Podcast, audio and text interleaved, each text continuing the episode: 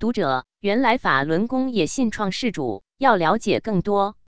大纪元二零二三年七月五日讯，大纪元记者施平综合报道，在英文大纪元的读者中，有大批的人表达了这样的意思：我们读了法轮功创始人李洪志大师的《为什么要救度众生》后，才了解了法轮功的信仰。原来他们也相信上帝，相信一位创世主。我们想了解更多有关法轮功的信息，这里摘录一些篇幅短小的读者反馈。文章传递的信息是创世主的爱。凯诗文瑟，法轮功相信有一位上帝，一位创世主。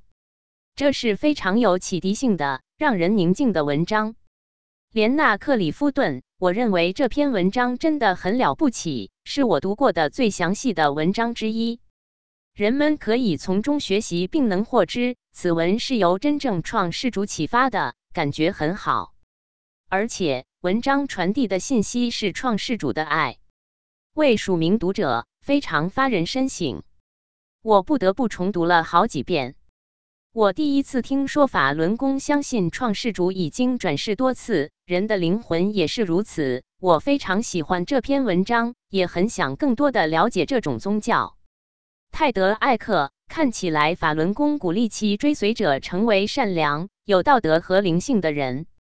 我认为这与基督教没有任何冲突，两者都教导我们，我们的奉献应属于我们的创世主。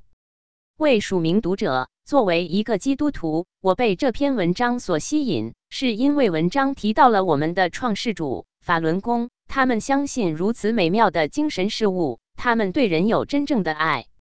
拉里·舍伍德，我不熟悉法轮功，但我对他的了解足以让我对他产生敬意。这篇文章是关于法轮功与世界上一些伟大宗教传统的共同点的深刻见解。大卫·朗基诺，我在基督教文化中生活和敬拜。这篇文章让我顿感，这与我一生中大部分时间所学和所受的教育不同，开启了我对创世以及人类与创世主上帝之间关系的思考。我承认有很多我不知道的，但在这一点上，我至少愿意倾听。为署名读者，我很喜欢这篇文章，特别是文章对于创世主对所有人大爱的支持。文章也让我了解了法轮功，没有理由迫害这个功法。谢谢你们，引领进一步阅读和了解法轮功。史蒂文·阿卡夫这篇文章是我读到的第一篇了解法轮功的文章。法轮功的哲学和修行方法与我的精神信仰和基督教相符。文章具有教育意义，将引领我进一步阅读和了解法轮功。布鲁斯·亚拉，我很喜欢读这篇文章。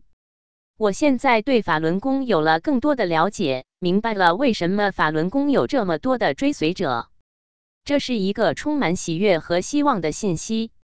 为署名读者，我发现这篇文章具有深刻的启迪意义。我看到了与基督教信仰的一些相似之处。今天早上我还在看《大纪元时报》，并报名参加了法轮功的在线学习课程。我很高兴能更多的了解这个宗教及其教义。扎达·索莱尔能够窥见如此深刻而丰富的宗教传统，真是太好了。艾文·雷索尔，法轮功信仰体系无疑将有助于让我们的国家回归到一个更信仰上帝的国家。杰森·劳伦斯。这篇文章让我对法轮功运动的信仰和思维过程有了更多的了解和认识，特别是它帮助我坚定了这样的信念：在精神进步和启蒙方面，我们的思想是如此相似。虽然我是一个基督徒，了解相似之处很重要，因为这些是将我们联系在一起的东西，可以带来和平和理解。再次感谢你们。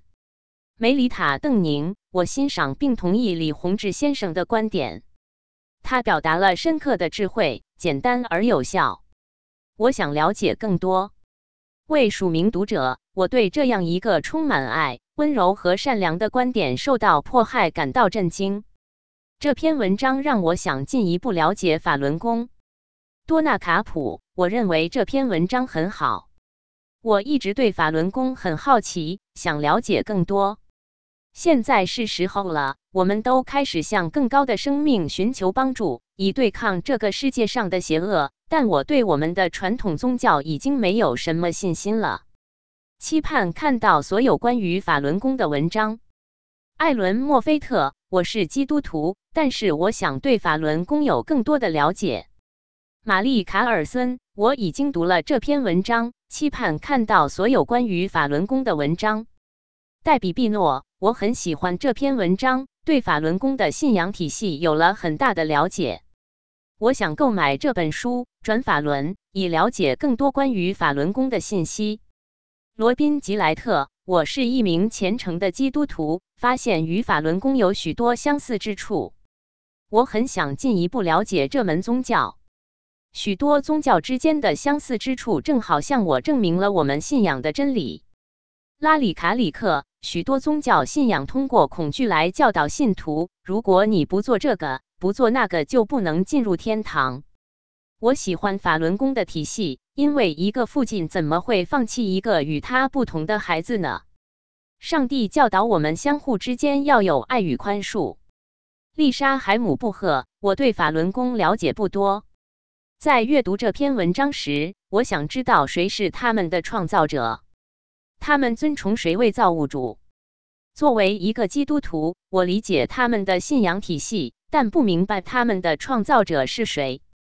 而拉里德，我认为李大师的的信息应该让人们看到，人们应该自己决定自己的感受。我很欣赏有一个尊重言论自由和思想自由的资源。我有兴趣了解更多这方面的信息。为署名读者。这是一篇美丽而积极的文章。虽然我个人的信仰有所不同，但遵循这些教义的人将对我们世界的和平做出贡献，产生积极的影响。我们迫切需要更多这样的人。责任编辑：孙云。